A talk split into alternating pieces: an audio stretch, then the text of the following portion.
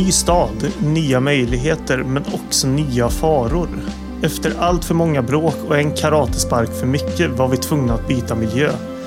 Rännstensrullarna är än en gång nyinflyttade på 80-talet och idag ska vi träffa en gammal vän till podden. Eh, Jag heter Jonathan och med mig har jag som vanligt. Andreas. Hej Jonathan. Hej! Det var ett tag sedan sist. Ja, men eh, vi är tillbaka och vi är ju faktiskt tillbaka med ett lite nytt släppschema Mm. för podden framöver. Eh, Vi ska prata lite snabbt om hur, nu gör jag som, som jag gjort tidigare, prata om poddens framtid. Eh, men det ska vi ju göra, men vi ska inte lägga ner den här gången heller. Nej, nej vi, ska, vi ska ändra. Eh, tidigare så har vi ju släppt, eh, eller tidigare, egentligen det senaste halvåret så har vi släppt eh, ett avsnitt i månaden. Den 25 Mm. varje månad. Men förra månaden blev ju vårt avsnitt om Björn Skifs trilogin tre timmar långt. Eller rättare sagt, det blev tre timmar långt för lyssnaren. Om vi hade släppt avsnittet i oredigerat skick så hade det blivit över fyra timmar långt. Ja, Så med det i, i eh, åtanke då så har vi bestämt oss för att testa att börja släppa ett avsnitt varannan vecka istället. Där vi pratar om en film i taget. Det, det, är så, det är så kul att, att den här poddens liksom, eh, crowning achievement innan vi, vi ändrar om är att vi, vi körde ett Björn Skifs-epos, verkligen. Ja, ja, det blev verkligen ett epos. Eh, var ju, ja, som de som har hört avsnittet eh, vet om det så blev vi tvungna att bryta mitt i och fortsätta inspelningen eh, ett senare datum för att eh, det, det drog ut på tiden. så ja, i och med att vi, vi har inte obegränsat med tid som vi kan ägna åt det här eh, poddandet så behöver vi hitta ett sätt att få det att funka. Precis. Så vi testar, testar det här så får vi se hur det landar. Produkten är ju densamma, helt enkelt. Mm. Bara att det kommer, eh, kommer ut avsnitt lite oftare och som då handlar om en film. Och vi tror väl båda att det här framförallt bara kommer innebära att vi kommer kunna eh, lägga mer energi och gå djupare in på de här filmerna. Vilket Ja. vi, vi nog båda vill göra också. Så, Och att man inte är så jävla mosig i skallen när man kommer till slutet av avsnittet. Nej, precis. Eh, som vi pratade om tidigare, det har ju också fallit sig så att det ofta är det, lustigt nog så att eh, det ofta har varit den bättre filmen som vi har pratat om som nummer två ja, i de här avsnitten. Vilket också har medfört att eh, de kanske inte har fått den energin och kärleken som de förtjänar. Bara för man är mosig. vi har haft någon idé om att vi ska liksom avsluta med eh, den filmen som vi eh, tycker är bäst. Mm. Men problemet med det då är att vi vid det laget är så utmattade att vi Precis. inte riktigt har kunnat göra den rättvisa alla gånger. Det där är helt idiotiskt egentligen. Ja, för jag, menar, jag, har, jag brukar ha gjort samma sak. När, när jag kör mina... Jag brukar ju kunna se tre eller fyra filmer på en kväll. Mm. Och då har jag ofta lagt upp det så att jag tänker att ja, den där filmen den är nog allra bäst. Så den ska jag se sist. Men det är ju helt idiotiskt. För då sitter man ju och håller på och däckar den klockan är tre på natten och man Ja, ser precis. film nummer fyra. Ja, Den där, den sätter jag igång kvart i tre i natt. Ja, precis. Ja. Nej, men så det här det kommer nog bli till, till poddens fördel. Ja, det tror jag också. och till, till, lyssnarnas, eh, till lyssnarnas fördel. Jag vet inte om vi, vi sa det, men vi kommer alltså släppa ett avsnitt varannan torsdag. Utmärkt inför, inför helgen. Ja, Så har man något att titta på. Men eh, nog om det. Vi har ju faktiskt fått lite lyssnarrespons också. mm. Sen sist. Vi har fått lite bassning eh, på grund av eh, eh, ett misstag som vi gjorde i, i föregående avsnitt om Björn Skifs. Vi har farit med osanning. Mm. Och det är eh, Motorbloggen som var vänlig och hörde av sig. Och Motorbloggen skriver så här då. Ett riktigt bra avsnitt om denna underbara trilogi som man spisat så mycket i barndomen. Jag väl börja med att tacka Motorbloggen så mycket för de fina orden. Ja, verkligen. Men han fortsätter så här. Höll dock vid ett tillfälle på att sätta kvällskaffet i vrångstrupen eh, då samtliga medverkande kallade hjullastaren i Struls inledningsscen för grävmaskin. Jag hoppas verkligen att denna felsägning beror på sviktande minne och inte på okunskap. Annars får jag nog översända välvalda nummer av tidskriftsmagasinet Traktor till de berörda herrarna. Ehm, och det är inte annat än att man känner sig lite dum. Nej, det är ju ett, eh, det är ju ett eh, solklart faktafel. Ja. Eh, Det är mycket riktigt en hjullastare. Det, ja, vi har ju gått tillbaka och eh, granskat den här scenen bildruta för bildruta nu. Och eh, ja, nej, det finns inte mycket att säga till vårt försvar annat än kanske att ehm, att eh, vi, vi hade ju helt enkelt vi hade fått felaktig information från våra faktagranskare på Rännstensredaktionen. Precis. Vi ska inte skylla på dem, för jag menar vi hade ju sett filmen. Vi, vi borde ha liksom... Det är ju självklart att det är en hjullastare. Jag tittar tillbaka på, på informationen vi hade fått på förhand. Det står mycket riktigt en grävmaskin. Så Mm. det, är, det har blivit fel här bakom kulisserna. Eh, vilket inte är bra. Nej. Vi tar ju åt oss av den här kritiken och vi tackar Motorbloggen för att han tog sig tid att liksom peka ut de här felen. För det är bara genom att, att liksom få den här typen av konstruktiv kritik som man eh, kan bli bättre. Mm. Och eh, både jag, Jonathan och eh, vår redaktion då, vi, vi, ja, vi kommer se till att göra bättre i framtiden. Absolut.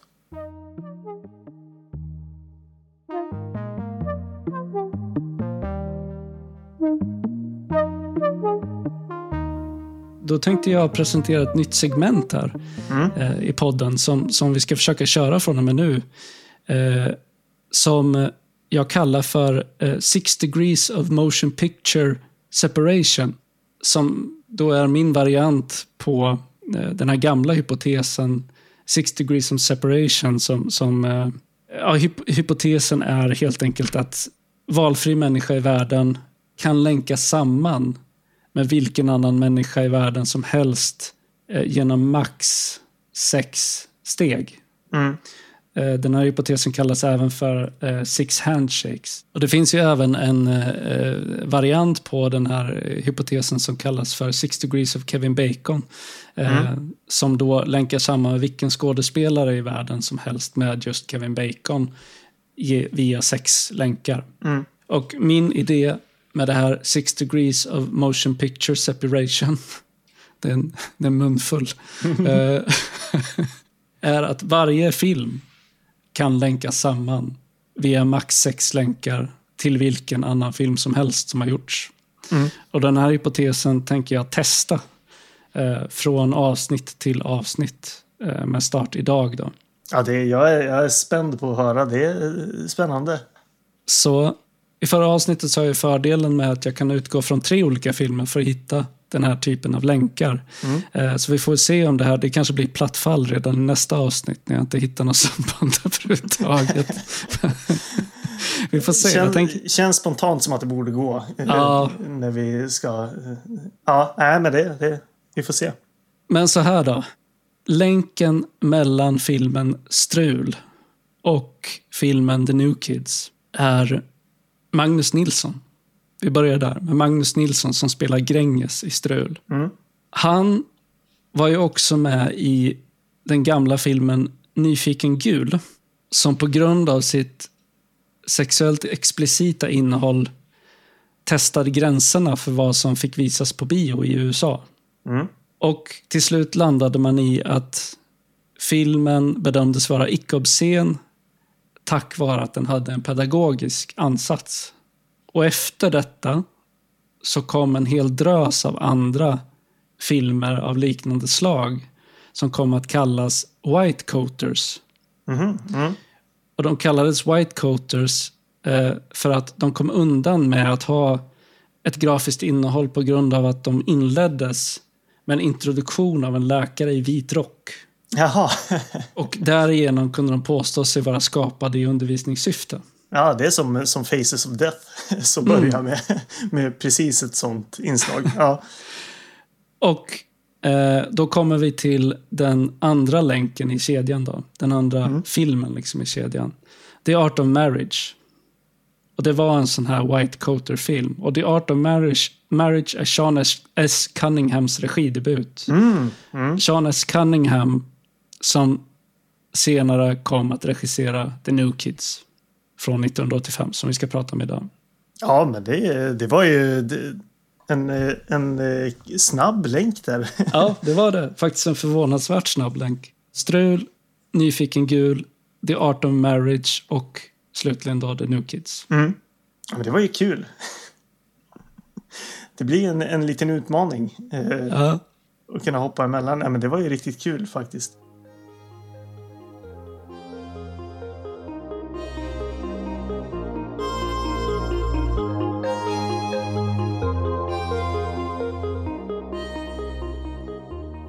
Det är ju som sagt då The New Kids från 1985 vi ska, ska prata om idag. ja, vi kanske inte sa det. Nej. Nej, jag tror inte det. Men det är, antingen så lägger vi in det eller så, så eh, är det först nu vi på riktigt introducerar, Ja. introducerar filmen. Men eh, The New Kids, ja. Eh, och eh, då kan vi väl gå in på eh, teamet bakom. Och du nämnde ju Sean S. Cunningham där. Mm. Eh, jag kände inte till hans regidebut då, The Art of Marriage. Eh, men han är ju självklart då mest känd för eh, Fredag den 13, originalet. Och det är ju inte mycket som eh, behöver sägas om den egentligen. Eh, Kevin Bacon är ju med där, kul nog. Han eh, går en, eh, ett öde till mötes involverande en, en pilspets Mm. genom en säng. Ganska, ganska legendarisk scen. Legendarisk effekt av Tom Savini också. Just det, det är Kevin Bacon. Det hade jag faktiskt Mhm. glömt bort. Det är så otroligt länge sedan jag såg den. Ja, jag har bara sett den en gång och för jättelänge sedan också. Ja, Det är ju en klassiker, men eh, det finns ju andra slasherfilmer jag föredrar. mm. Definitivt. Eh, men den har sina, eh, den har väl sina positiva drag också. Men eh, Cunningham har ju gjort lite annat också. Eh, han följde upp Fredag den 13 med A Stranger Is Watching 1982 som jag inte har sett. Men jag tänker att vissa kanske känner igen filmen Deep Star 6 från 1989 som verkligen kom i en som kom i en våg av havsskräckisar eh, tillsammans med eh, James Camerons Avgrunden då, men även Leviathan och så vidare. Det var, det var skräck på havets botten som, som gällde där och då var även Shaunes Cunningham med, eh, med Deep Star 6. Jag har inte sett den heller. Eh, och det finns faktiskt inte så mycket annat värt att nämna runt Shaunes Cunningham heller. Nej, inte som regissör kanske. Eller, det är säkert några av de här filmerna som är bra, men jag har inte sett några av dem, så jag kan inte säga så mycket. Men däremot så har han ju producerat ganska mycket film också. Mm. Eh, han är ju bland annat eh, eh, producent till eh, The Last House on the Left eh, av Wes Craven. Jaha, ja, ja, ja. Det, det visste jag faktiskt inte om. Okej, så han började som, som eh, producent. Ja, också en sån där eh, skräckfilm som jag inte har sett. Skräckfilmsklassiker Ja. som jag inte har sett. Den är väl värd att se bara för att den är, är liksom en väldigt känd tidig exploitation-film. Men eh, den är inte så, den är inte så bra. Nej, okej. Och det, det är också ett sånt där väldigt lustigt exempel på en film som är det jag är långt ifrån det första som säger det, men att den är otroligt mean-spirited. Och sen så kommer det rena slapstick-element som är, eh, som är så fåniga som man håller på att eh, svimma. Liksom det är något... Det var många, många år sedan jag såg den, men det är något... eh, Någon polisduo där som det verkligen ser helan och halvan komik om jag minns rätt. Så det, den är ganska märklig, men den är ju, den är ju ruskig. Eh, Mm. trots... Eh, verkligen ruskig. Får man säga, som jag minns det. I alla fall bitar av den. Mm. Remaken är ganska, ganska kul. Den är ju eh, hårdare eh, faktiskt. Och eh, på vissa sätt skulle man nog kunna säga att det faktiskt är en bättre film också. Än originalet. Så. Men eh, om vi då ska gå, vi, gå vidare från Sean S. Cunningham. Den här filmen är ju skriven av Steven Gyllenhaal och Brian Taggart. Och eh, så vitt jag förstår så är Steven Gyllenhaal mycket riktigt far till Jake och Maggie Gyllenhaal. Ja, stämmer. Han har ju regisserat ganska mycket. Mycket för tv. Ja, precis. Sen Brian Taggart har skrivit lite kul grejer, bland annat. eh, Jag tror det var lite av tv-serien V som han hade skrivit. Mhm. Eh, Även of Unknown Origin med Peter Weller. Den här, jag tror det är en, en eh, monsterrotta som man, som man jagar. Jag har inte sett den, men jag har varit lite sugen. Jag känner inte till den. Nej, det, det, om jag minns rätt nu så är det George P. Cosmatos som har regisserat den filmen. Alltså som har regisserat Tombstone bland annat också. Men han har skrivit Wanted Dead or Alive med Rutger Hauer och även Poltergeist 3 också. Så han, eh, skrivit en hel del. Just det, det är en av de där Rutger Hauer-filmerna som jag inte har sett. Jag har ju sett ganska mycket av Rutger Hauer eftersom jag Mm. tycker så väldigt mycket om honom, men den, den har jag inte sett. Den är helt okej, den är rätt Ja. kul. Det är en hyfsad actionfilm. Jag har två VHS-utgåvor av den. av, av lite okänd anledning. Men eh, ja, det, det, för att ha två, två exemplar, så riktigt så bra är den inte. Men sevärd är den väl. Eh, Gene Simmons spelar skurken där och det är väl Jaha, kul, kul på något vis. Jag är inget Kiss-fan men... Hur är han det- som skådis då? Men han har ju varit med i en del grejer. Det är Okej. bland annat den, men även någon, någon gammal sån här hårdrocksskräckis som heter Trick or Treat från någon gång mitten på 80-talet. Och den känner jag igen. Jag visste inte att Gene Simmons var med. Nej, men det finns ju en nyare film som heter Trick or Treat också, som är från typ 2005 eller något sånt där. Ja. Eh, Det, det är två olika filmer med, med eh, väldigt liknande titlar. Och det var inte en remake. Nej, nej, den här eh, nyare Trick or Treat är ju någon slags sån där antologi-skräckis. Okej. Men det är ju faktiskt författaren Harry Cruise som skrev originalmanuset till den här filmen. Och han är ju Eh, enligt Wikipedia så var, skrev han, eller eh, He often made use of violent, grotesque characters and set them in regions of the deep south. Och det kan man ju känna igen lite grann här, men han var definitivt inte nöjd med den här filmen och tog bort sitt namn helt från den här produktionen. Så hans namn finns eh, inte någonstans att, att se här. Sen har vi ju Lalo Schifrin som gör musiken och han är ju en legendar och har gjort mängder med, med filmmusik. Han har jobbat en hel del med Brian De Palma men om jag förstår det rätt så är det han som står bakom det, det faktiska ledmotivet till Mission Impossible. Alltså Ja, precis. tillbaka till eh, tv-serien. Ja. Så det är väl, eh, alla känner ju igen honom även om man inte känner igen hans namn. Men han har jobbat väldigt mycket. Ja, jag har gjort filmmusik till hur många filmer som helst. Men Mm. eh, det som sticker ut mest i hans eh, vad säger man, verkförteckning är väl just ledmotivet till Mission Impossible som du sa. Mm. Innan vi går in på de andra skådisarna så kan vi nämna att eh, poddfavoriten James Spader dyker upp för en tredje gång eh, i Rännstensrullarna. Uh, han spelar ju rollen som Dutra här. Vi har ju pratat om honom i både avsnitt 11 då, eh, nyinflyttad på 80-talet del 1. Men också då avsnitt 7, Yuppies i fara del 2. Mm. Så vi har pratat mycket om James Spader och vi gör det med nöje även idag. Precis, här spelar han väl motsatsen till den karaktären som han spelade i Tough Turf som vi pratade om i Nyinflyttad på 80-talet del 1. Mm. Eh, där det var James Spader själv då som, som var liksom nyinflyttad och eh, hjälten i filmen. Här är han ju ondingen. Ja, definitivt. Genomond kan man säga. Ja, en genomond eh, albino. Ja, Det är en så här udda detalj att han, för visst ska han vara albino? Han ser ut att ha färgat både ögonbryn och hår. ja precis. Och, Det, det, det är en sån här, verkligen en lustig detalj som jag... Man noterar det, men man gör ingenting av det utan det är bara att ja, men, fan, det där ser coolt ut. vi, vi kör på det. Jag blev så osäker ett tag på är det, ser han ut så där? Jag kommer inte ihåg liksom att han är, Nej, han, är han nej. sådär ljus? Visst att han är ljus, men sådär ljus är han väl inte. Men nej, han, det måste ju vara färgat. Ja. Ja, precis. Men sen då så har vi ju två, eh, några andra huvudroller och filmens två eh, verkliga huvudroller då Shannon Presby och Laurie Laughlin är eh, lustigt nog noterar jag numera kanske mer kända för saker som har hänt utanför deras filmkarriärer än eh, vad de är kända för sina faktiska, faktiska filmkarriärer då. Vi kan börja med Shannon Presby som spelar rollen som Lauren här. Eh, och han har ju inte gjort knappt någonting alls förutom The New Kids, lite ströserier och han gjorde även en engelsk röst i Cowboy Bebop såg jag. Han hade gjort ytterligare något lite mer eh, röstskådespeleri. Eh, Men han har inte gjort mycket alls för han blev åklagare eh, senare. Vet inte alls när så men det fanns lite trivia på IMDB att han vann ett ganska känt fall där han fällde en, en veteran LAPD officer för mord 2012. Så han blev väldigt omskriven där kring Jaha, som åklagare då. okej. Inte alls inläst på det här fallet men, men eh, han har gjort sig känd som åklagare och inte som filmstjärna på senare år. Mhm. Och mycket mer än så finns det inte att säga om honom för han eh, hade ju en kort, eh, kort och hyfsat snabb filmkarriär. Ja, han lämnade nöjesbranschen. Ja, precis.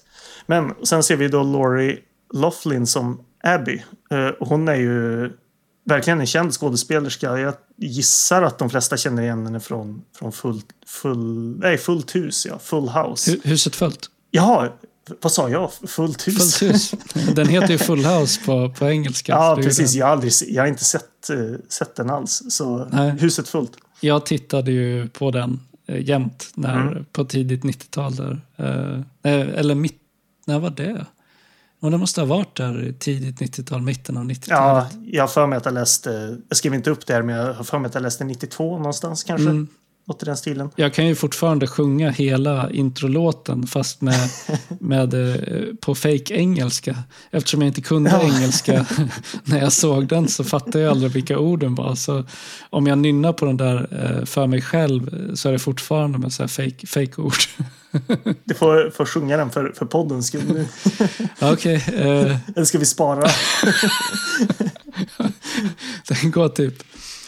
Whatever happened to the of dignity? Milkman, the paperboy, even TV. How did I get to live here? Somebody tell me please. This whole world accusing me. Thousand needs and a da da da. A world who knows you're true. And the little voice inside you whispers, There's our, there's our dreams come true. Everywhere you look, it's a heart I can't hold on to. Någonting sånt. Ja, applåder. Som sagt, jag tror inte jag har sett serien, men fan Det där kommer jag garanterat klippa bort. Nej, det, fan, det är bra. ja, men på riktigt, fan, det var ju bra. Usch, nej fan. Ja. eh, Ja, hus, huset fullt. Eh, det var väl så den hette, ja. ja, huset fullt. Huset fullt. Men hon har ju varit med i lite annat då. Eh, Den moderna versionen av 90210 såg jag. Också Mm. en serie jag inte har sett varken den nya eller den gamla men jag känner ju, känner ju väl till vad det är. Hon hade, det gick ju tydligen 2008 till 2013. Det är något som är lite bekant för mig att den, den hade någon slags comeback. Men, Jo, men mer nej, än så är jag. Jag kommer ihåg det, men, men jag såg den aldrig. Eh, Mm. och sen så eh, kanske vissa känner igen henne från den här gamla serien Summerland som jag tror gick tidigt 2000-tal någon gång. Och, mm, som hon skapade själv och eh, skrev själv och skådespelade i också. Men hon gör fortfarande mycket tv och film. Alltså TV, TV, hon gör fortfarande mycket tv-film och serier. Eh, Ja. Men hon verkar inte ha gjort sådär supermycket spelfilm. Eh, alltså biofilm liksom. Det kan bero på att hon var ju verkligen i In Trouble with the Law 2019. Jaså. Eh, Det här kanske du också kommer ihåg. Det var ju en ganska stor skandal i USA då om att man hade betalat fina, liksom bra skolor. Mer eller mindre Ja, mutat eh, ledningar där för att få in sina barn. Ja, var hon en av dem? Hon var en av dem som Aha. eh, faktiskt åkte in i finkan i, i två månader. Åh, hon och hennes man. Eh, Jag kan komma ihåg det här. Jag har inte läst, läst mig in någonting alls på det här. Men, men jag såg det att hon var en av de första, tror jag, som, som verkligen hamnade i, i trubbel runt det här. Jag gräver i minnet här nu, men visst var det en av skådespelarna i Desperate Housewives också? Ja, det låter väldigt bekant. Det var ju inte så länge sedan. Det var ju 2019, 20, men det har hänt ganska mycket sedan 2019. Ja. Eh, Så, men, ja, men det låter väldigt bekant. Eh, Jag tror att det var, var ganska många eh, större och mindre stora skådisar och liksom kändisar som ville få in kidsen på fina skolor. Mm. Men i rollen som Mac McWilliams så har vi en riktig genrefavorit, Tom Atkins. Eh, han har ju varit med i en miljon saker. Men eh, framförallt så har han ju samarbetat en del med John Carpenter och han är med i både The Fog och eh, Flykten från New York. Mm. Han spelar ju den här eh, lastbilschaffisen i The Fog som plockar upp Jamie Lee Curtis efter vägen. Ja. Eh, han är också med i en film som både älskade och hatade Halloween 3. Han spelar huvudrollen där. Jag minns det som att du inte det. tyckte speciellt mycket om den. Jag, tyck, jag minns det som att den var riktigt härlig. Nej, jag tyckte den var Men det var skit, många, alltså. många år sedan. Vill du ha tillbaka Michael Myers eller var det allmänt bara att han var kass? Ja, men jag kommer inte riktigt ihåg vad det var. Jag tyckte att den, var så, den kändes väldigt tam. Och, nej, det, det, jag kan inte riktigt uttala mig om vad det handlar om. Jag, jag tror att jag tyckte att den var tråkig. Ja, Eh, Men jag vet samtidigt att det är många som håller den ganska högt i den serien av filmer. Så ja, jag vet inte, det kanske skulle vara värt att prata om den i podden någon gång. Ja, som sagt, jag minns det som att, den att jag tyckte mycket om den. Men det var jättelänge sedan jag såg den. Det är snart säkert tio år sedan. Jag kommer bara ihåg att det är en del rätt coola scener, eller coola, alltså riktigt mörka scener i den i och med att de här barnen som, som dör med, med de här halloween-maskerna. Nej, men det, det är ju en, det är ju en eh, sedan väldigt många år omdiskuterad eh, fanfavorit skulle man kunna säga. Den Ja. har ju, det finns ju en diskurs runt den filmen sedan länge. Men Tom Atkins då är med i en av mina riktiga favoriter, Maniac Cop, spelar han Ja, en av huvudrollerna i. Ja, den har inte jag sett. Men eh, Nej, den vet jag kan- att du, du har pratat varmt om många gånger, så den ska jag definitivt se. Den då uppföljaren som är minst lika bra, om inte bättre. Så, Men är Tom Atkins med i, i uppföljaren också? nej, bara Mm. i första. I uppföljaren är det Robert Davi som är känd Mhm. från någon James Bond-film bland annat. Men jag, tänker att just Tom Atkins då, de allra flesta känner nog igen honom från Dödligt vapen. För han spelar ju, eh, hans karaktär heter Hunsacker. Där jag kan minnas vilka scener han är med i. Eh, men eh, jag, jag minns inte riktigt vilken karaktär det är. Men han blir ju, jag tror det är någon gammal polare till Mel Gibsons karaktär som man möter i någon slags fin villa. Mm. Det är där den där helikoptern flyger in och skjuter honom från luften. Tom Atkins då. Är det i första Dödligt vapen? Eller? Ja, första. Ah, jag kommer inte ihåg. Nej, nej, nej. nej men jag tänker att det, om, om eh, söker man upp en bild på Tom Atkins så tror jag att många kanske tänker att åh fan, just det, det är han som är med i Dödligt vapen. Det, det enda jag minns från Dödligt vapen 1 är en naken Mel Gibson i den här hus, husbilen som han bor i. Ja, ja, precis. Fan, Dödligt vapen, de är så jävla bra. Det är inte riktigt det enda jag minns. Jag, jag kommer ihåg eh, att han är så jäkla galen i den filmen också. Alltså Mel Ja, Gibson. i första, han är så definitivt. suicidal. Liksom. Det är bara så här, Danny Glover får hindra honom hela tiden från att bara kliva av eh, tak och kasta sig framför bilar eller skjuta sig i huvudet. Och, Ja, men precis den här scenen där han, där han säger så, nej men fan jag skjuter mig nu och så sätter han tummen mellan, mellan den här, alltså hanen på pistolen och den klickar till och man ser bara på Danny Glover att han bara jävlar. Jävla här liksom. ja, det, är ett, eh, det blir ju lite sidos- sidospår här om dödligt vapen, men, det är ett ganska så speciellt grepp som jag inte har sett i så många andra. Framförallt inte i, i liksom action komedifilmer. Att du har en så suicidal huvudperson som, som, bara är på randen till totalt sammanbrott hela Ja. tiden. Men eh, Mel Gibson är ju väldigt bra på att spela den typen av, av eh, nervvrak. Ja, verkligen. Eh, Säkert för att han ja, stunder av sitt liv har, har varit eh, lite av en sån person själv. Kan man väl eh, tänka sig. Ja, ja, men precis. Verkligen. Ja, och det sista om, om Tom Atkins då, han är ju med i Creepshow. eh, Där han spelar fadern i den här uh, wraparound-historien. Mm. Han, ja, eh, som inte vill att hans son ska läsa serier. Men nog om Tom Är, är Atkins. Creepshow Eh, bra? Ja, det, är också, det har jag inte sett, men jag har varit sugen på att se den. Ja, men det, grejen är att jag såg första, första och andra, eller på att säga, men det finns ju bara två. Jag såg de två filmerna för jättelänge sedan. Det måste vara kanske 2015 eller 2016. Och alla pratar, pratar sig oerhört varmt om den första och tycker att den andra är kass.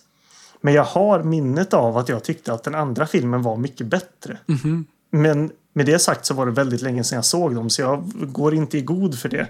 Jag kommer ihåg, det finns ju bra segment i första, bland annat där med, med Leslie Nielsen. Jag tror att det eh, att han är med i det, det har med någon strand att göra, att han blir nergrävd eller något i den stilen.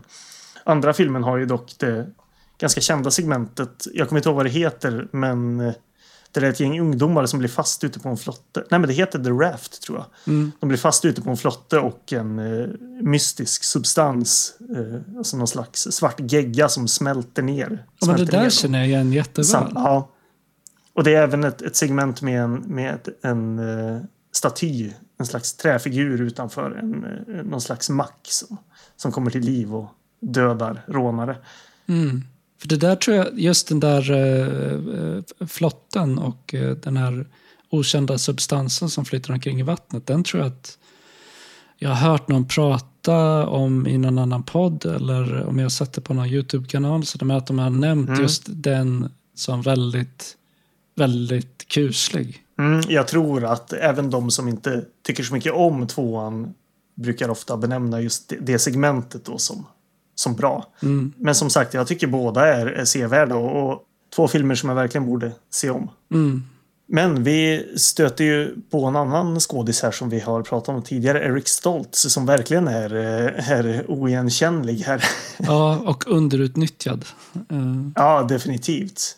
Det, just det, hans karaktär bara försvinner ju mer eller mindre. Ja, han, han eh, dyker väl upp några gånger sådär, men det är väldigt liksom sporadiskt och slumpmässigt när han, Ja, han är med. Han känns som ja, men verkligen underutnyttjad för att han är, han är bra. Liksom. mm, Och så fort han är med i filmen så tänker jag, ja men nu, här är någonting. Och så försvinner han igen och är borta länge i filmen. Så kommer han tillbaka och säger, ja fan jag vill se mer av Eric Stoltz. Så försvinner han igen lika fort som han Mm. dyker upp. Så, eh, jag, jag gillar verkligen Eric Stoltz. Oh, ja. alltså, jag skulle vilja prata om någon film framöver där han har huvudrollen, eller åtminstone en större roll. Eh, jag tycker att han är en intressant skådis. Ja, han var ju verkligen en, en indie-favorit. Mm. Vi, vi pratade om honom, ska sägas, i avsnitt fem, monsterfilm, för han var ju med i Anaconda. Där han också är otroligt underutnyttjad. ja, verkligen. Så, han är den, en, en av få charmiga karaktärer i den filmen och hamnar i koma någonstans de första 20 minuterna. Och sen liksom inte han med i resten av filmen. Nej, precis. Eh, han är med i... Ja, men han, han blev ju någon slags indie-favorit under 90-talet. Han är ju med i ja, Pulp Fiction givetvis. Mm. Eh, som vi inte behöver säga mer om. För jag tycker det är trist att att rasa ner i Tarantino-träsket. Men han är ju med i Kicking and Screaming till exempel. Eh, alltså Noah Baumbachs. Jag tror att det är regidebut. En riktig sån här eh, eh, folk efter college snickesnack-film. Som, som jag tyckte var härlig. Eh, nej men han är med i mycket kul så det kanske... Ja han är med i Singles också. Fan jag kommer inte ihåg hans karaktär där. Nej, inte jag Den filmen är ju skitbra. Ja. Han spelar huvudrollen i Mask också. Ja just det, jag har inte sett Mask. Mot Cher och eh, Sam Elliott. Mm. Men där är han ju verkligen oigenkännlig i och med att den karaktären ska ha en, en väldigt så här, eh, svår huvudtumör som gör att hela hans eh, huvud är liksom vanställt. Men som jag minns det så är det en väldigt bra film. Mm. Och sen som Kind of Wonderful, också en så här 80-tals tonårsdrama typ. Jo men är det inte... Det är väl en John Hughes-film väl? Eller han skrev den, just det för det är ju Howard... Jag hade den uppe här. Howard eh, Deutsch Mm. som regisserar. Ja just det, ja, den har jag inte sett heller. Men Nej. jag känner till den. Ja, nej men den sista skådespelaren som, som är värd att nämna är väl Eddie Jones som spelar Charlie här. Jag, det är väl en sån skådis som jag tror att många kanske känner igen för han har ju varit med i en miljon saker. Mm. Eh, tog bara de första två som kom upp, A League of Their Own och Sneakers bland annat. Det är inte de, de absolut mest färska exemplen. Men, men eh, man känner igen honom. Verkligen en, en typisk karaktärsskådis. Ja, jag har ju en lite rolig eh, personlig anekdot eh, om Eddie Jones. Jag känner främst igen honom som Stålmannens pappa i den gamla 90-talsserien Lewis och Clark. Jaha, Det var liksom ja, mitt det. första möte med Eddie Jones. Så för mig så är han alltid Stålmannens pappa. Eh, men han har ju såklart varit med i massor av filmer och tv-serier. Fan, Lewis and Clark. Ja, Alltså, det- jag älskade Lewis och Clark. Jag spelade in alla de gamla avsnitten på VHS. Ja, men det, jag har tänkt på det där i efterhand. Det- Jag tycker det är så, så jävla märkligt att... Alltså jag minns det som att det var ansett som vilken serie som helst. Men fan, det är ju Stålmannen liksom. Ja, ja, ja visst. Det är så, och det, kommer du ihåg den där eh, eh, alltså, Skönheten och odjuret-serien med Linda Hamilton också? Ja, och inte bara Linda Hamilton. Det var ju, han spelar odjuret är ju, eh, vad fan heter han? Ja, men Ron Perlman var Ja, det. precis. Ron Perlman, Ja. Hellboy. Eh, Precis. Jag, jag minns inte när, jag, när tanken slog mig, men jag tyckte bara det var så märkligt. För jag minns när jag hörde den här. Eh, jag såg aldrig Lewis and Clark, möjligt att det svepte förbi på tv. mm, Men jag tänkte alltid på det som att ja, men det är väl vilken glamour eller Mhm. den typen av serie. Liksom. Och sen bara var, var det någon gång som det slog mig att ja, men vänta nu, det är ju Superman. liksom. Stålman. Ja, det, det finns ingen logik i det här. Nej, jag tror de döpte den väl till Lewis och Clark för att det var mer fokus på eh, Clark Kent liksom än Stålmannen och på Lewis och Clarks relation och deras jobb som, som liksom journalister på The Daily Planet. Mm. Så Stålmannen var ju liksom alltså Stålmannen dök ju upp i varje avsnitt, men det var väldigt mycket av så här, eh, bara eh, serie om två journalister som letade efter nästa scoop. Eh, jag såg, men jag såg om den för kanske 10-15 år sedan. Och, och, såg en ganska bra bit in i den serien och tyckte att den var, den var rätt härlig. Den är rätt kul stundtals. Och, och mm. eh, som superhjälteserie betraktat så har den någonting som jag gillar ändå. Den tar sig inte på sig själv på så stort allvar. Mysig superhjälteserie. Men i alla fall, eh, det jag ville säga om Eddie Jones var att eh, jag har tills jag gjorde efterforskningar inför det här avsnittet alltid trott att det är Eddie Jones som spelar Dr. Blair i The Thing. Jaha, ja, ja, nej, vad heter han nu? han ju... heter Wilford Brimley. Ja, precis, det är ju, det är ju Wilford Brimley, ja. Så jag hade ju i det här avsnittet tänkt att säga ja, Eddie Jones som väl de flesta kanske känner igen från The Thing. Så jag satt och letade i hans filmografi. Bara, så, vad fan är The Thing då? Varför, varför, har de missat att ta med den? Vad fan? Och sen så som vanligt när jag upptäcker sådana här saker då, känner jag mig otroligt puckad när jag inser att det är fel person. och det som är så lustigt i sammanhanget är att jag känner igen Phil, Wilford Brimley från andra filmer. Alltså som ja. Cocoon och en annan film med, med, med eh, Kevin Klein som heter In and Out. Och där har jag inte misstagit honom för Eddie Jones. Nej. Så jag förstår inte varför jag just i The Thing har trott att det här är, att det är så pass konstigt. Ja, det, det, kanske var, fanns någon, någon liten punkt där de var nog lika varandra. det måste ha varit det. Men uh, Eddie Jones är med i uh, han är med i en film som jag har tänkt se ett tag som heter The Singing Detective från 2003 med Robert Downey Jr. Mm, alltså jag känner igen titeln, men inte, det är väl en eh, gammal film? Ja, 2003. Uh, eh, jag... Nej, men alltså jag tänkte om det var någon slags remake. Ja, det är det. För jag tyckte att jag kände igen. Ja. Jag är lite osäker, men så kan det mycket väl vara. Nej, men du, det är en, en enligt Google här, en brittisk kritikerrosad mini-tv-serie. Med Michael Gambon. Ja, just det, så är det. Just det. Nu när du säger det så kommer jag ihåg att jag läste också. Och den här, den här filmen då var väl en, en liksom Hollywood remake på den gamla brittiska serien. Mm. Eh, för jag tror att det många har sagt eh, om filmen är att den inte kan mäta sig med serien som väldigt många eh, tyckte var fantastiskt bra. Då. Men den här filmen verkar udda så jag har varit liksom intresserad av att se den därför. Mm. Sen är han med i uh, Year of the Dragon. Jag kommer inte ihåg vilken roll han spelade men Year of the Dragon är en av de här filmerna med Mickey Rourke i huvudrollen som, som jag tycker är uh, en av, ja, en av Mickey Rourkes bästa filmer. Liksom. Vid sidan av Angel Heart. Ja, precis. Det är väl Michael Cimino, väl? Ja, precis. Eller Cimino. Det är väl en av de filmerna som kom efter Heaven's Gate som verkligen som har fått ett litet uppsving i det att man har man har inte varit så arg på, på Michael Cimino på senare år. så då har man också, också eh, haft eh, godheten och, och inte var så irriterad på hans efterföljande filmer heller. Jag har hört den som var väldigt bra men jag har inte sett den.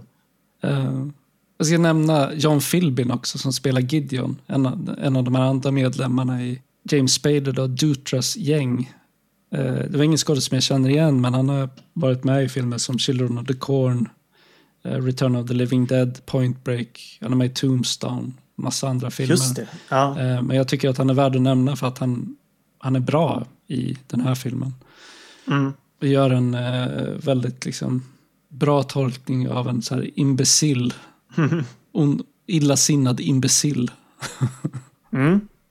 Ja, men då ska vi väl gå vidare till att eh, vi ska läsa från ett eh, svenskt VHS-omslag och då ska vi ge en shoutout till det utmärkta Instagramkontot aetos78 VHS filmer. Eh, en härlig VHS-samlare som eh, för inte allt för länge sedan faktiskt laddade upp en svensk VHS för The New Kids. Eh, men den hette ju inte The New Kids i Sverige, den hette Striking Back. Det här är en av många, många filmer som hade lite olika titlar beroende på vart de släpptes. Jag kan ju nämna det att den spanska Blu-rayen som, som eh, vi har sett den på eh, hade en helt annan titel. Vill du ge dig på den? La Gran Revancha. Precis. Jag tror att den hette något med Revenge, alltså på engelska, fast i andra regioner också. Eh, Ja, nej men Striking Back heter den i Sverige. Och då på det här rätt coola omslaget står det så här på framsidan först då. En ny fasansfull skräckupplevelse av regissören bakom fredag den 13. De tvingades slå tillbaka hårt och skoningslöst. Så här står det sen. Striking Back, Sean S. Cunningham som regisserade skräcksuccén Fredag den 13 slår till igen. Striking Back är den skrämmande historien om två ungdomar som vägrar låta sig förtryckas, misshandlas och förnedras.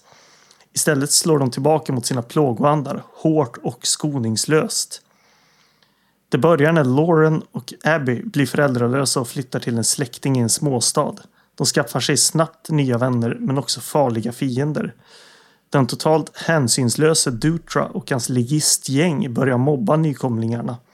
Trakasserierna urartar och till slut är det ren terror av psykiskt och fysiskt våld.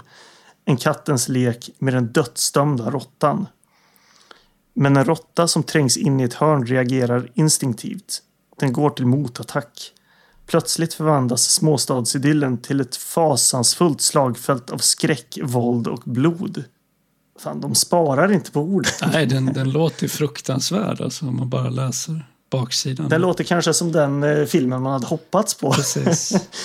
Det var precis min tanke också. Ja, ja det, jag hade hört lite om att den, den skulle ha ett, ett lite bombastiskt avslut. Det har den ju delvis. Mm. Men, ja, den, är, den är inte fullt så rå som det här omslaget vill få det att framstå som. Nej, åtminstone inte genomgående. Den har ju liksom sådana inslag. Eh, men de, eh, på grund av att filmen är ganska inkonsekvent, eh, sticker ju ut lite grann som, vad säger man, Thor- sore thumbs. Ja, verkligen. Verkligen. Vad säger man, ömma tummar? Det säger man väl inte på svenska? Så, så, så sticker ut. Det finns ju någon motsvarighet på svenska, men jag kommer inte ihåg det. Ja, det måste du göra. Ja, innan vi då eh, går in och faktiskt pratar om The New Kids så ska vi inte läsa en recension från Bonniers den här gången. Eh, vi har blivit tilldelade en recension här av vår eh, redaktion som vi ska läsa. Vi får se vad det här är. Det står så här. The New Kids är en välutförd thriller med starka skådespelarprestationer och effektiv regi. James Spader är skrämmande som Dutra, den psykopatiska ledaren av, en lokal, av ett lokalt småstadsgäng som terroriserar syskonen Abby och Lauren. Regissören Sean S. Cunningham levererar spänning som håller publiken på kanten av sina säten. Sammanfattningsvis är The New Kids en rekommenderad tittarupplevelse för fans av thrillers och actionfilmer. Tre av fem stjärnor. Jag vet inte riktigt vad det här var. Eh, Men som sagt, det var något vi skulle läsa upp. Eh, Jag vet inte riktigt om vi håller med om det här. Jag är skeptisk också. Ja. Eh, Hur som helst. The New Kids från 1985. Det första jag noterar, eh, det är lite kul. Något som jag inte har pratat om i podden, men jag är ju en entusiastisk eh, till och från samlare av eh, armbandsur. Mm. Eh, framförallt gamla mekaniska armbandsur. Och den här filmen börjar ju med en väldig närbild på en fin gammal Rolex Daytona som sitter på Tom Atkins arm. Ja, just det. Har, har han den på sig när han vaknar där i sängen? Eller? Ja, precis. Han vaknar ju och eh, har liksom tagit tid. Han kollar vad klockan är. Han är ju militär. Mm. Eh, och eh, och ska sätta igång dagen. Jag tror att den är typ halv fem eller något i den stilen. Men vi får ju en närbild på den här klockan och jag, jag skrev också upp till att inom den här filmen, det här är ett kommande arvsbråk om, om 30-35 år när den här klockan är värd hundratals, alltså hundratusentals kronor som en Rolex Daytona är idag. Eh, det är inte den eh, legendariska eh, Paul Newman-modellen som såldes för liksom, alltså, historiska summor för ett par år sedan. Jag tror att det var miljontals eh, dollar. Men eh, som sagt, eh, den här klockan kommer det här syskonparet bråka om i, i framtiden. Det gör det ju extra eh, kul just för att eh, den här klockan ger ju Lauren, alltså den, den killen i det här syskonparet, ger ju den till Abby på begravningsdagen. Mm. Eh, för hon frågar “Can I have this watch?” och han säger “Sure”. Så oavsett vad som händer i den här filmen, för det finns ju, ett av de underliggande temana är ju att de här syskonparet håller ihop i vått och torrt. Mm. Men då finns ju den där klockan där som ett väldigt, vad säger man, ödesmättat löfte Ja, om något mörkt som vilar där i framtiden. Liksom. Ja, precis. En, en Rolex var knappast billig eh, 1985. Men jag tror inte att någon skulle kunna eh, ha någon föraning om vad den skulle vara värd. Eh, ja, vad blir det? 30-35 år senare. Alltså jag vet inte, det finns ju andra inslag i den här filmen där Abby då på ett, på ett eh, liksom väldigt tydligt sätt visar att hon faktiskt är medveten om pengars värde på ett helt annat sätt än vad Lauren är. Så jag blir så här, var det här kalkylerat från hennes sida? Så Lauren, please, could I have, can I have this watch? Och hon vet liksom vad den är värd och att den förmodligen bara kommer stiga i värde med åren. Att det finns någonting manipulativt här i den här karaktären som liksom är underliggande. Hon fattar det här är en eh, investering. Precis. Hon kanske, när kom eh, Maratonmannen som vi har nämnt, när kom den ut? 70-talet någon gång. Ja men precis, det är ju en känd scen där när eh, Michael Douglas höll jag på att säga. vad heter han? Huvudrollen? Alltså The Graduate och så vidare. Ja, precis. Eh, Dustin Hoffman. Dustin Hoffman, det är ju en scen där när han ska åka taxi, han har inga pengar men han säger ta klockan, det är en Rolex. Alla vet att Rolex är lika med pengar. Hon kanske hade sett Maratonmannen, hon fattade. Mm. Ja, men det här ger ju helt andra dimensioner till den här filmen. För att det är annat kring det här med ekonomi och liksom, eh, vad säger man, ett, ett eh, ansvarslöst eh, för, förhållningssätt till pengar eh, som, som går igen i den här filmen. För jag har ju också farbror Charlie eh, som, som eh, driver den här eh, tivolit. Han, en tomteland. Ja, tomteland. Han har köpt ett tomteland. Texas. så- Ja, ja, vi, kan, vi kommer dit om en liten stund. Jag vill ta lite där i början först.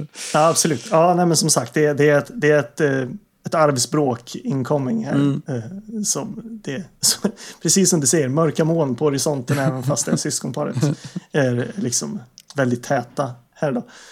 Eh, ja, men som sagt, det är ju vi får bli introducerade till Tom Atkins här också som har en, en eh, kort men intensiv roll i den här filmen. Eh, Ja, han har ju ett väldigt konstigt sätt att liksom eh, prata med sina barn på. Den, den allra Ja. första repliken som han har till sin son är han, han så här, dundrar in i hans rum då, tidigt på morgonen för de ska ut och springa. Han och hans två barn då, eh, Lauren och Abby. Och eh, när sonen då är lite så motvilligt ligger och skruvar på sig i sängen så, så skriker i princip Tom Atkins till honom att What's the matter son? Whack off too much last night. Så, att, så, ja, ja, precis. Det, det är något med hans, med hans, med hans ton liksom. och sen dundrar han in till sin dotter som också är så här motvillig. Då, ja, så här, studsar ner i sängen bredvid henne och hon kallar honom för general tror jag. Då, då rättar han henne och säger nej men jag är colonel nu. Och remember that honey. It means more green to buy designer jeans for this sexy little bod. Och sen slår han henne på rumpan. Alltså, han säger så otroligt märkliga och väldigt olämpliga saker till sina Ja, barn. men precis. Han är ju gränslös på ett väldigt märkligt sätt. Ja. Eh, alltså, Tom Atkins är ju nästan alltid väldigt charmig. Men, men här är han också samtidigt väldigt märklig. Eh, Alltså, vad är det här för snubbe egentligen? Eh, ja, och så sticker de ju ut och joggar tillsammans med pappan. Då. Vi får ett ganska långt joggningsmontage. ja, det är härligt ändå. Tycker du Fan, det? bra Alltså, jag, låt också. jag har skrivit töntigt montage. Ja, men vad fan, jag är svag för den här typen av, av liksom AOR-dängor. Jag, hade, jag lyssnade på den förut och så har jag glömt bort nu vad den hette. Jag jag. Eh, Den heter väl typ eh, Stand Up eller Fight Back eller något sånt där. Precis, Stand Up av Bill Ray. Ah, fan, ja, det är klart att det är lite lökigt, men jag gillar det. Jag tycker att alltså, genomgående i den här filmen att musiken är väldigt dålig. Eh, jag tycker att filmmusiken är dålig, alltså soundtrack-låtarna är dåliga. Men det är soppigt alltså. Ja, det är jättesoppigt. Alltså jag tänkte på så här, det låter stora som... stråkar liksom. Ja, men det låter som att det skulle vara musiken från någon så här Hallmark-film. Eller någon gammal Ja, tv-serie. Faktiskt, faktiskt. Eh, men det är så märkligt just för att du har den här eh, kända, eller väldigt erkända kompositören då, Mm. Lalo Schifrin. Mm. Och musiken är kass. Är det ett, eh, eh, vad brukar man kalla dial-in jobb eller något sånt där? Kanske. Det känns som det i alla fall. Alltså, om jag inte hade läst på om vem som har gjort filmmusiken så skulle jag gissat att det var någon no-name kompositör eh, Mm. som varken har gjort speciellt mycket före eller efter eller som har liksom komponerat exklusivt för just tv-serier och tv-film. Så. Precis, och det, det är precis som du säger, det är ju dels liksom Hallmark-grejer, men sen också det som man stöter på lite ibland, att det verkligen är ett sånt här sitcom-theme Ja. som dyker upp när de, när de kommer fram till den här småstaden. Då. Att det verkar, jag, ska inte, jag ska inte försöka härma det med någon slags muntrumpet, men, men det, alla vet nog hur det låter eh, när det är ett så här, lite käckt eh, theme liksom, till en sitcom. Det, är- det är verkligen sådana där grejer, så absolut. Men det känns som att det är det, det återkommande liksom det är återkommande så fort farbror Charlie är med. Ja, precis. Så är det lite så här fåniga trudelutter, liksom sitcom-trudelutter. Ja, verkligen. Ja, nej men jag, jag tycker som sagt det här... Eh, eh, jag gillar ändå det här montaget, men jag är också väldigt, väldigt svag för träningsmontage. Det, det här är ju inte någonstans i närheten av, av Rocky-montagen, men jag är ju... Jag brinner ju för rock, Rocky-filmerna. Jag älskar skiten alltså. Så det, har man med träningsmontage så, så vinner man mig. Ja, men det måste ju finnas någon så lägsta ribba för ett träningsmontage också. Eller är det bara så här idén om träningsmontage som får det att gå igång? Ja, men precis. Det, så, å, återigen, de är, det här montaget är inte ens i närheten av, av the gold standard som är, är montagen i Rocky-filmerna. Men bara det att det är ett träningsmontage tror jag gör att jag blir glad. Ja, men jag köper.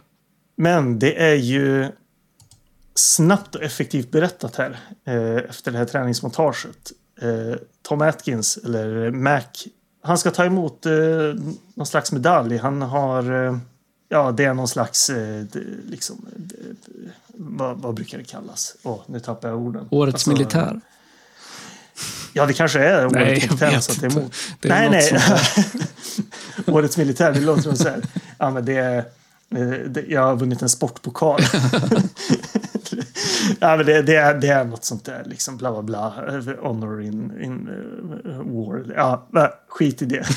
Han ska ta emot en, eh, han och eh, mamman i familjen flyger för att ta emot en eh, medalj och eh, kraschar och dör inom filmens första tio minuter. Och för att vara väldigt eh, snabbt berättat så är det ändå eh, på något vis lite snyggt gjort här i och med att de sitter och tittar på tv-sändningen från Ja. när han tar emot medaljen samtidigt som då brodern Lauren får ett eh, telefonsamtal där de berättar att, eh, att eh, föräldrarna har gått bort. Mm.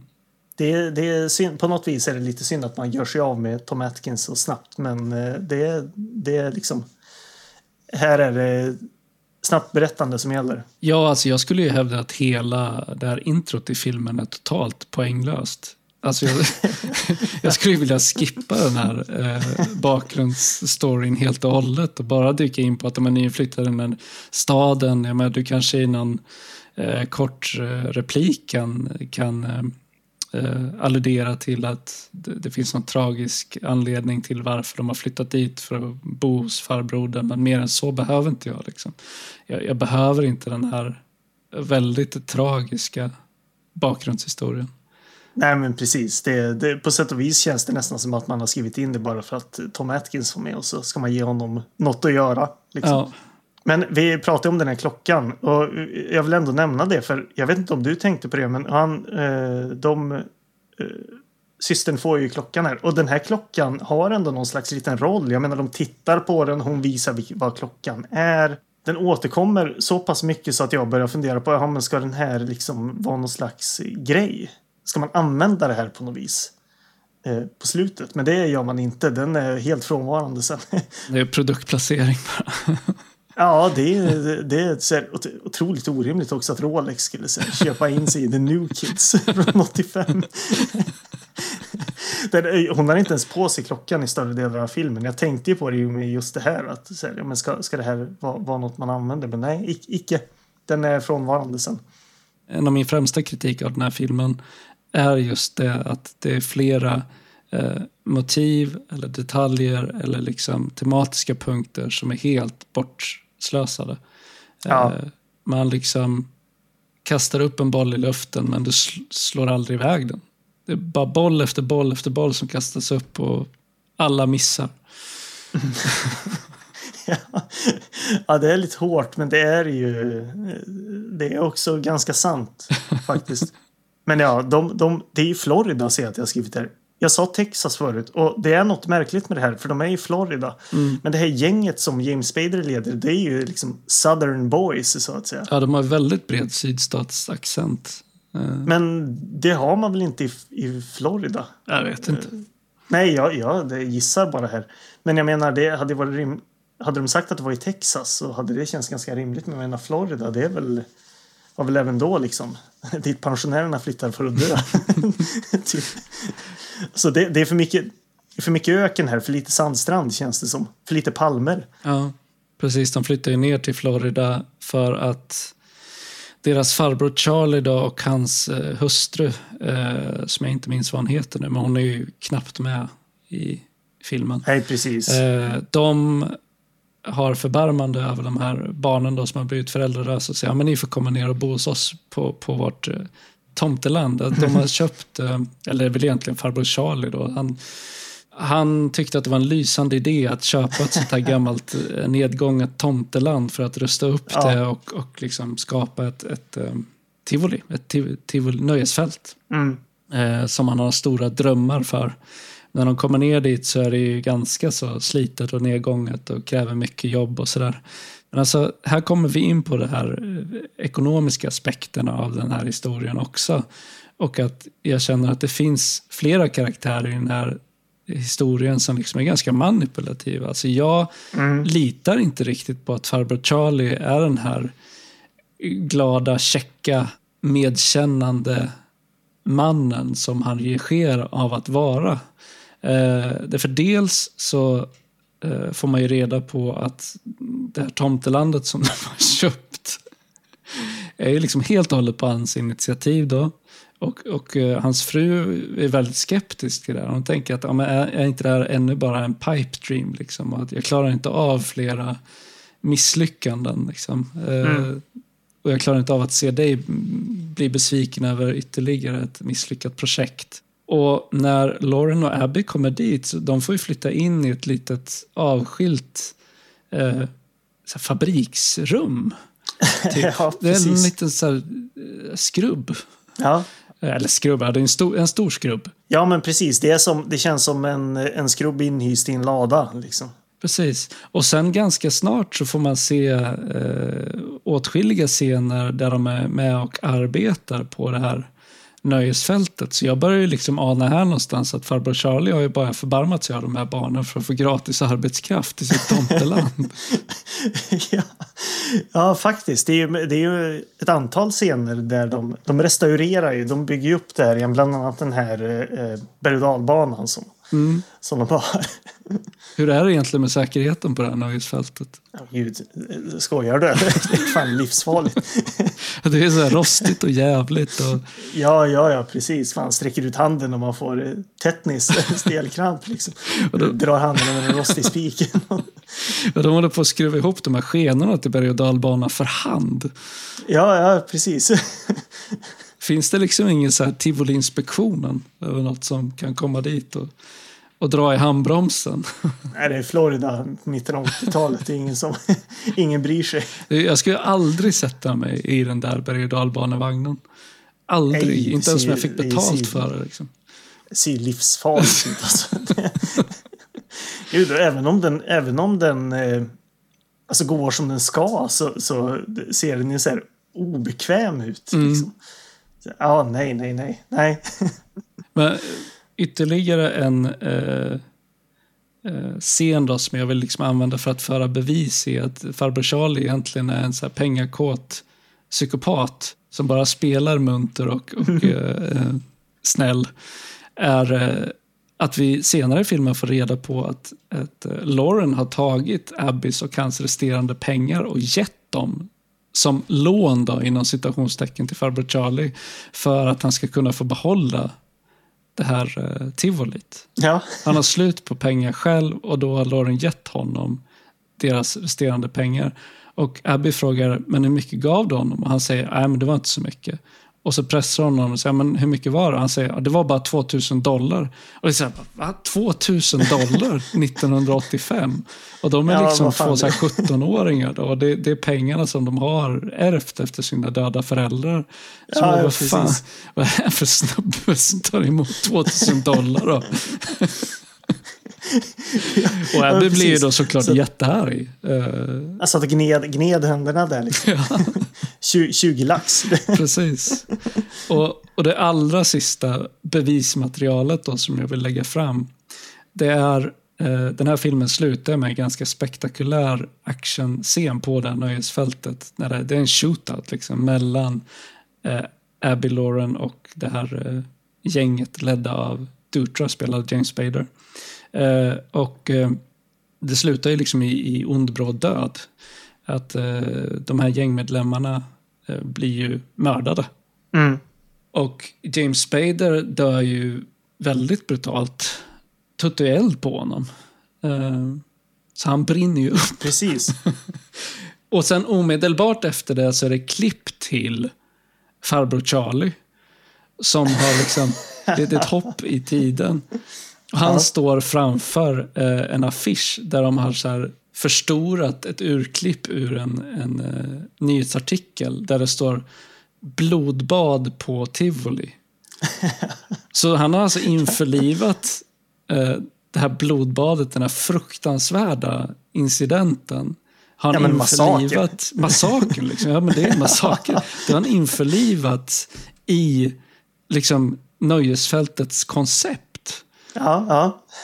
Och gör pengar på. Och det här är ganska snart efter att den här incidenten har skett. Jag menar, det är familjer som har förlorat sina barn och det är, så här, Mm. det är hemskt verkligen. Och han är liksom gladare än någonsin. Eh, så farbror Charlie är ett jävla svin. ja. jo, men eh, verkligen. Vad man ska ge Uncle Charlie. Det är bra att du tog upp det här avslutningen. För det var någonting som slog mig precis nu. Jävlar vad tidig han var på true crime-bollen. Ja, verkligen. Otroligt. Men han ska ha credden för att, att liksom introducera, eh, kanske inte riktigt skapa, men han var ju tidig på true crime-bollen med eh, och liksom köra den där typen av exploatera Mm. död och elände för att tjäna stålar. Precis. Man, man undrar ju hur han har liksom använt sig av det här konceptet. Om det sträcker sig ända till attraktionerna i sig. Liksom. Att han har såna här Ja, cutouts av James Spader och de andra i, i gänget som man liksom får skjuta på med luftgevär. Och, Ja, alltså visst är det att man, man får ändå intrycket av att hela stan hatar det där gänget. Ja, ja, alltså vad var det för uh, unga liksom? Eh, vart kom de ifrån? nej, det, det är ytterligare en, en detalj i filmen som är väldigt så oklar. För att alla vet då vem den här Dutra är. Han, är liksom, Mm. han har ju verkligen ett rykte om sig att vara eh, farlig. Men det lilla man får se av hans hemliv, han verkar ju bo i något så här väldigt fint villakvarter. Stort hus. Liksom. Till skillnad från hans eh, till synes inavlade idioter till polare som ja. typ bor ute i träsken. Och, ja, men precis. Det är, det är som att man eh, lite, att han liksom Dutra har eh, omformat sig själv för att kunna utnyttja de här idioterna till gäng. Liksom. Att han egentligen är någon slags överklassunge. ja, eh, sett till det här bostadsområdet. Men att han sänker sig ner till deras nivå för att kunna utnyttja dem som hejdukar. Precis. Eh, men man får ju så väldigt lite detaljer kring det, så det är svårt att säga. Men det, det var intrycket jag fick av det också.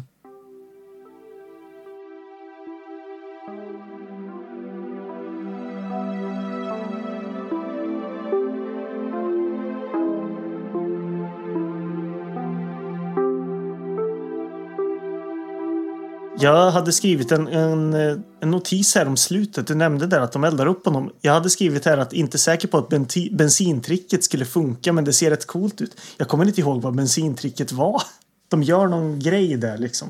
Ja, de, ja, Lauren och eh, Dutra slåss ju om den här bensinpumpen på slutet. Och sen fattar Mm. ju Dutra eld på något sätt. Men jag kommer inte ihåg riktigt hur. Nej, de, de, gör någon grej där som, som jag uppenbarligen inte tänkte att det förmodligen skulle funka på riktigt. Men jag, jag kommer faktiskt inte ihåg. Nej. Jag kan ju göra en ninja-sökning här och se om, om The New Kids 1985 Ending finns på YouTube. Så jag ska eh, eh, mycket snabbt gå in här och se om jag kan, eh, kan komma ihåg vad den här bensingrejen var. Eh, och varför jag inte varför jag inte trodde på den. Eh, var inte det här... Vi ska se här. Part 10 kanske det var. då. Eh, Medan Jonathan gör sin hemläxa passar jag på att sticka in med ett meddelande om att vi även har ett Instagramkonto där vi numera är väldigt aktiva. där då. Förutom information om kommande poddavsnitt så lägger vi också upp en hel del filmtips och eh, kortare filmrecensioner. Eh, Reels med bortklippt material från podden och eh, mycket annat. Om man vill få tag på oss så är det absolut enklaste sättet att DMa oss på Instagram. just det, de slåss om... Vi tycker det är väldigt roligt eh, att höra av våra lyssnare och vi svarar alltid om ni skriver. Eh, Så om ni har lust, gå in på Instagram och följ oss där. Vi finns på att randstensrullarna. Jo, just det, det var det, ja, precis. De har ju tänt eld på... Alltså de använder ju den här bensinhandtaget som en flamer. Det är det. Just det. Det jag tänkte så här, men vänta nu. Skulle det där funka verkligen? Skulle inte den där hela skiten explodera bara? det var det. Ja, men precis. Eh, eh, så vi se. Alltså, ja, de, de kommer ju fram dit. Det blir sitcom-stämning. Det blir mys. Mm. En ganska bra stund här. Man får träffa på Eric Stoltz som är någon, en eh, liksom fin, lite nördig unge.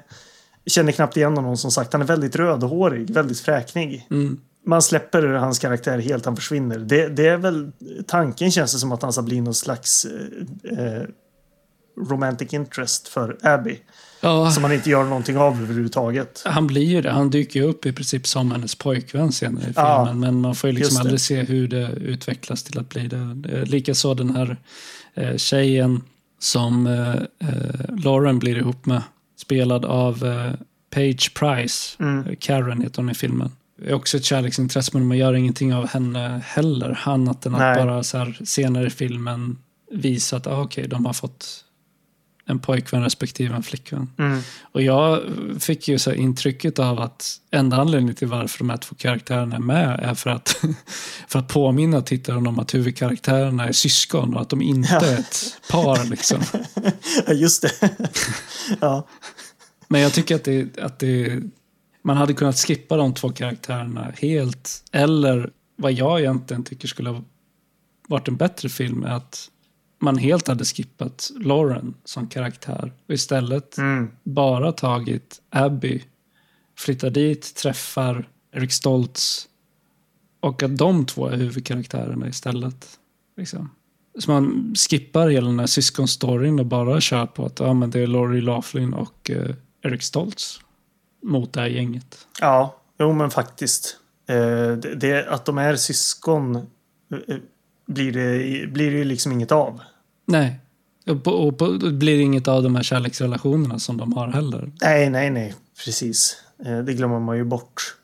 Eh, De de grejerna jag egentligen vill, vill prata om sett till den här hela mitten. Det som händer mitt emellan introt och den väldigt... eh, Ja men det ganska...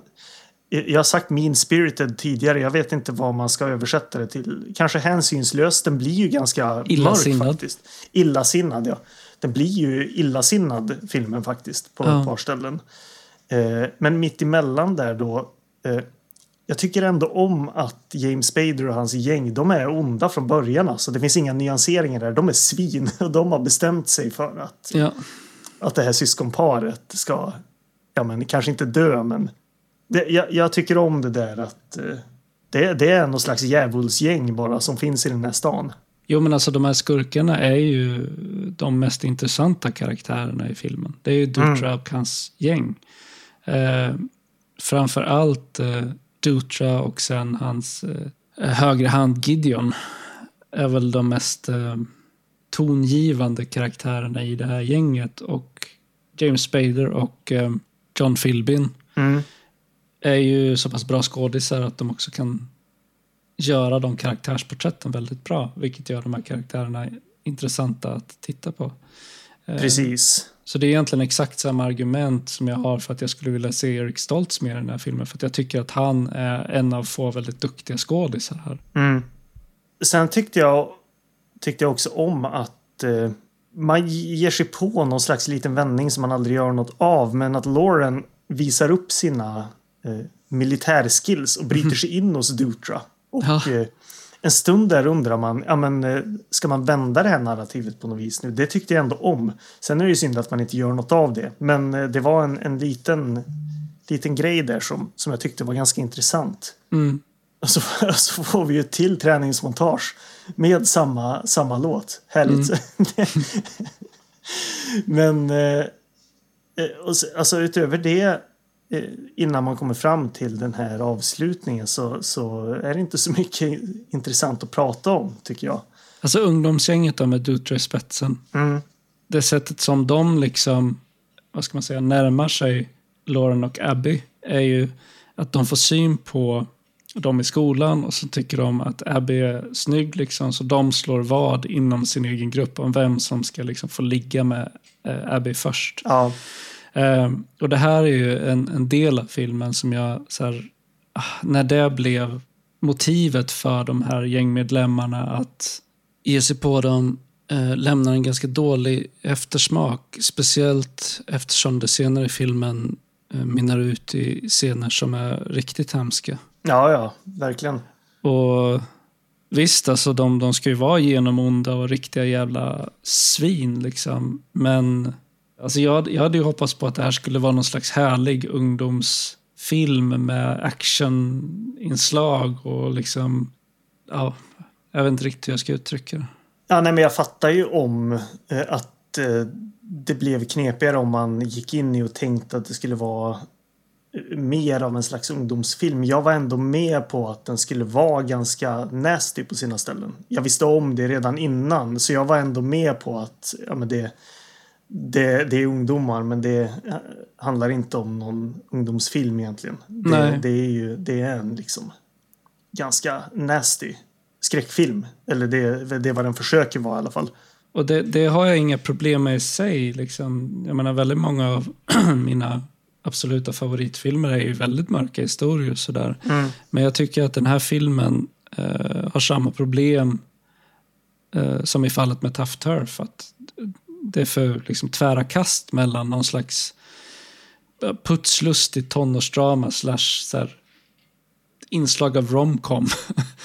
med de här väldigt då, mörka inslagen. Eh, Mm. Jag är trött på att höra mig själv säga att filmer har så här, tonmässiga problem. Ja, Eh, för att det känns som en väldigt grundanalys. Eh, så jag, jag, jag drar mig för att kritisera den här filmen för det också. Men jag landar ändå i att det är det som gör att jag har svårt för att det är här, Jag tycker att man får välja vad man vill ha för grundton och sen hålla sig till det. Jag tycker inte om när man blandar för mycket. Men jag tror egentligen att det jag störde mig på den här filmen är att jag tror, trodde och hoppades att den skulle vara något annat. mm. Och att jag tycker att det finns så många liksom förlorade chanser här. För att alltså, redan så här filmpostern och VHS-omslaget tycker jag så utlovar en film som är betydligt snyggare än vad den här är. ja verkligen. Och- Och mer surrealistisk. Mm. Och, och kanske framförallt så mer riktad än vad filmen i slutändan visar sig vara. Alltså jag tror jag hade väntat mig någonting mer liknande eh, typ The Warriors. Ja, jo, faktiskt. Det, det är några masker med på det här omslaget som överhuvudtaget inte dyker upp i filmen. Nej. För alltså The Warriors är egentligen en, en film som bara handlar om det är så här sju snubbar som springer för, för sina liv i 90 minuter. Mm. Eh, en av få filmer som bara mestadels består i löpmontage. Men med väldigt så små medel så bygger den filmen upp en egen liten värld med olika gäng. Eh, Och det ena gänget är liksom mer absurt än det andra. Alla har sitt, sin egen stil, sin egen liksom, eh, nisch. Masterclass i effektivt berättande. Ja, men verkligen. Jag föreställde mig att den här filmen skulle ha ett liknande världsbygge. Mm. Eh, Att man skulle göra någonting mer av den här tivoli-miljön och just de här monstermaskerna som är på framsidan av, av Mm. eh, eh, omslaget. Om det är någonting jag liksom irriterar mig på i filmer överlag eller berättelser så är det så bortkastade motiv och teman Mm. eh, som det hade gått att göra så mycket mer intressant med.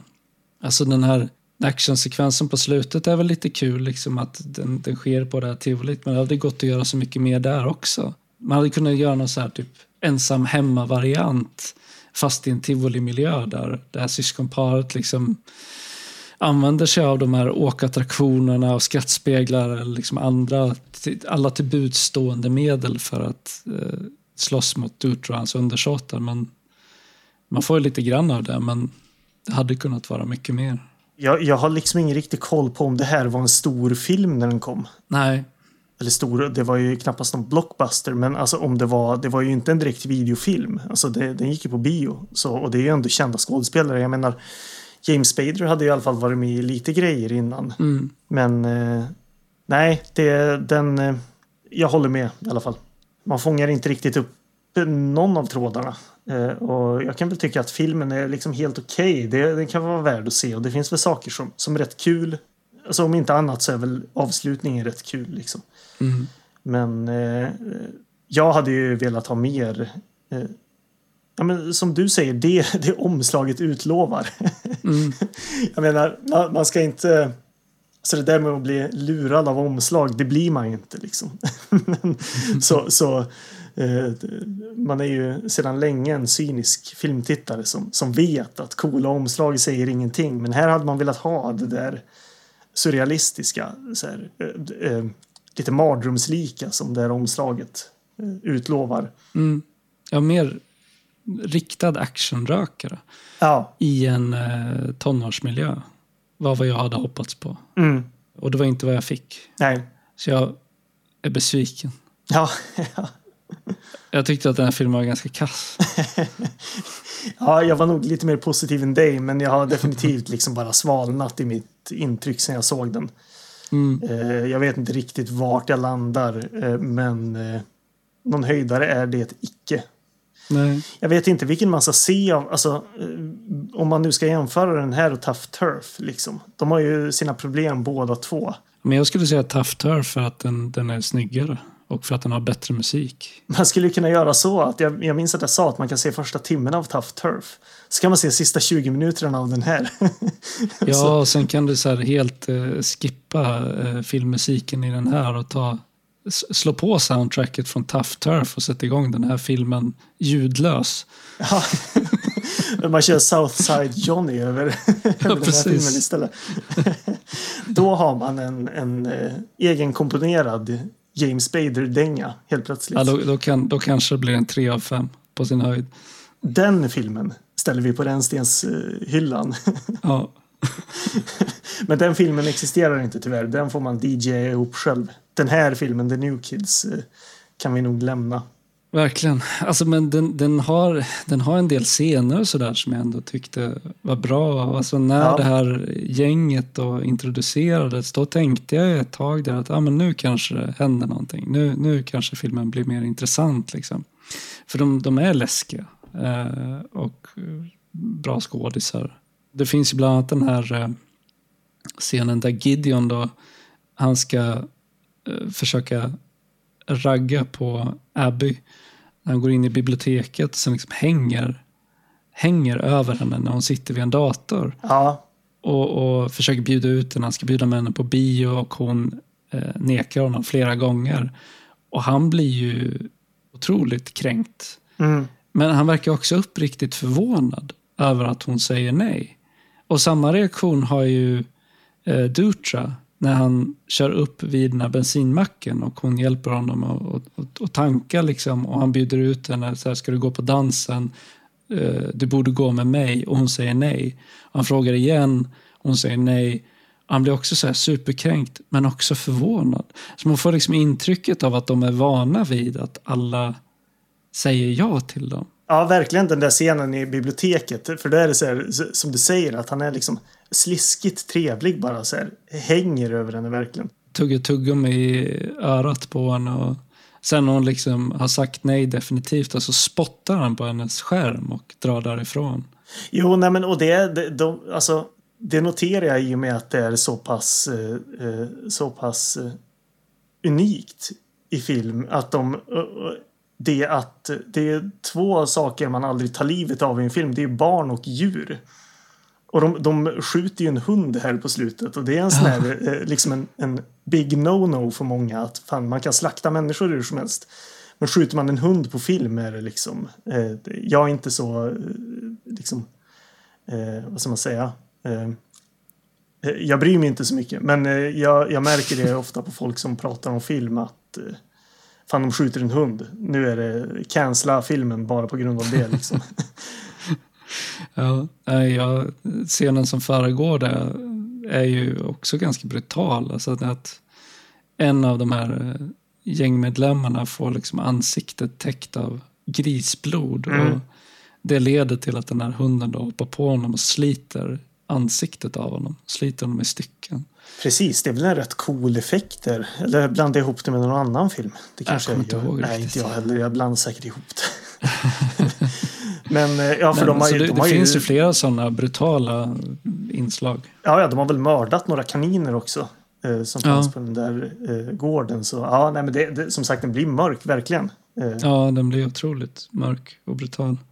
Eh, en, en annan scen som jag reagerade på var i början av filmen när eh, första gången som de liksom går fram till Lauren och eh, tränger sig före i den här kön till vattenfontänen för att dricka. Mm. Och eh, de liksom blockerar hans eh, väg där. Och eh, Gideon står lutad över vattenfontänen i flera minuter. Eh, medan han liksom jävlas med honom. Och så till slut går han därifrån. Och Lauren direkt går fram och dricker den här jävla fontänen som Gideon har stått och hånglat med i flera minuter. Jag tänkte, jag ska aldrig dricka ur den jävla vattenfontänen. Det är, det är som garanterat recept för munherpes. Ja, precis. Den där jävla idioten har stått och liksom sugit på den. Ja, exakt. Även han eh, står fast liksom. Ja. Det, det har ju bildats någon, en jättegrupp människor runt också. Det är som att han bara säger, nej men jag är unfaced av det här liksom. Ja. Inget kan stoppa mig från att dricka ur den här fontänen. Nej. Eh, slutbilden också är ju den här unga killen ur det gänget som, som ser mystisk ut. Det är nästan ja, det är lillbrorsan. Ja, precis. Som att de vill ha en uppföljare. Det kom det ju aldrig någon. Men det är nej, lite, tack och lov. Lite, ja, lite ominous där en stund. Ja, nej, nej. The, the New Kids kan vi allt, eh, kan vi allt eh, lämna därhän. Ja. Eh, jag vet inte vad jag ska göra med den här Blu-ray men den ser ganska cool ut i alla fall så den får nog stå. Den är ju snygg alltså. Ja, ja, ja precis. Eh, väldigt snyggt artwork till, till den här filmen. Det är synd att uh, filmen i sig inte lever upp till det. Bara. Den är släppt i en... Alltså den, den ser ju väldigt... Bildmässigt ser den ju väldigt bra ut så jag tror att den här Blu-rayen är... Den, filmen släpptes i en väldigt fin utgåva av ett, av ett annat bolag som heter 101 eller 101, 101 Films. Eh, det, det, är säkert samma uppfräschning som den här filmen har eh, använt sig av. Men det, jag tycker det är lite kul att eh, i de, i de här tiderna så även de kassaste filmerna får fina utgåvor. Det är verkligen så en slipcase och en fet booklet och grejer till, till The New Kids. Liksom. Och det är hedervärt. Men filmen är inte så bra tyvärr. Nej.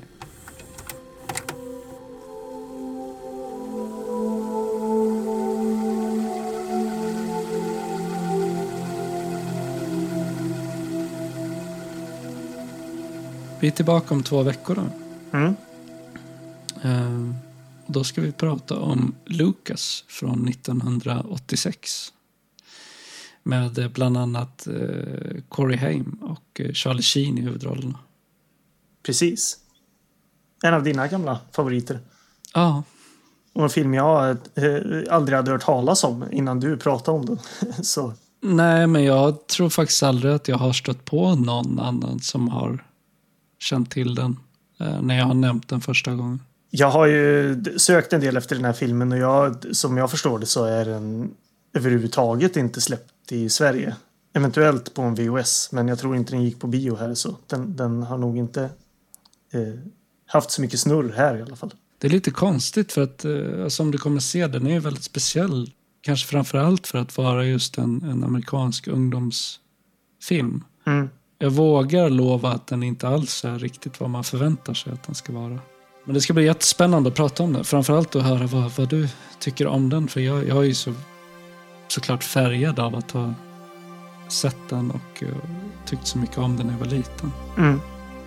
Ja, nej men eh, inför nästa gång då så får ni lyssnare helt enkelt titta på Lucas från 1986. Mm. Ja, vi ses om två veckor då. Det gör vi. Ha det bra. Hej!